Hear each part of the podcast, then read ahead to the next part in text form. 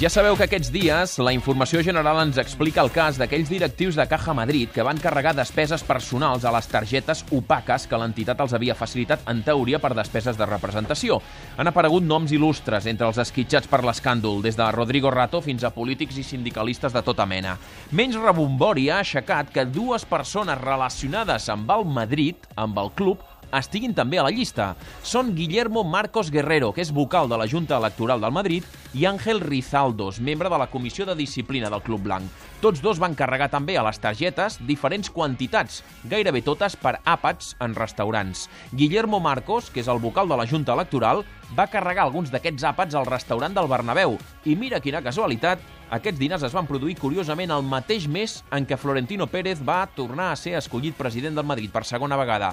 Home, no és gaire maco que un vocal de la Junta Electoral dini al restaurant eh, just quan el president torna a ser escollit i que, a més a més, paguem aquesta targeta. Són, però, dos exemples més de l'estreta relació del Madrid, el club, amb els poders fàctics de la capital de l'estat espanyol. Qui és algú qui té a l'abast una targeta d'aquestes opaques que en diuen de Caja Madrid pot ser interessant per a Florentino Pérez i pel seu Madrid. Però és que el cas també ha tornat a mostrar l'opacitat amb què es dirigeix el Club Blanc. Hores després que aquests dos noms apareguessin a la llista d'afectats per l'escàndol, el Madrid assegura que tots dos han dimitit de les seves funcions. Però és que no hi ha hagut ni comunicat anunciant aquestes dimissions i que ahir a la nit tots dos apareixien al lloc web del Madrid com a membres dels seus respectius organismes.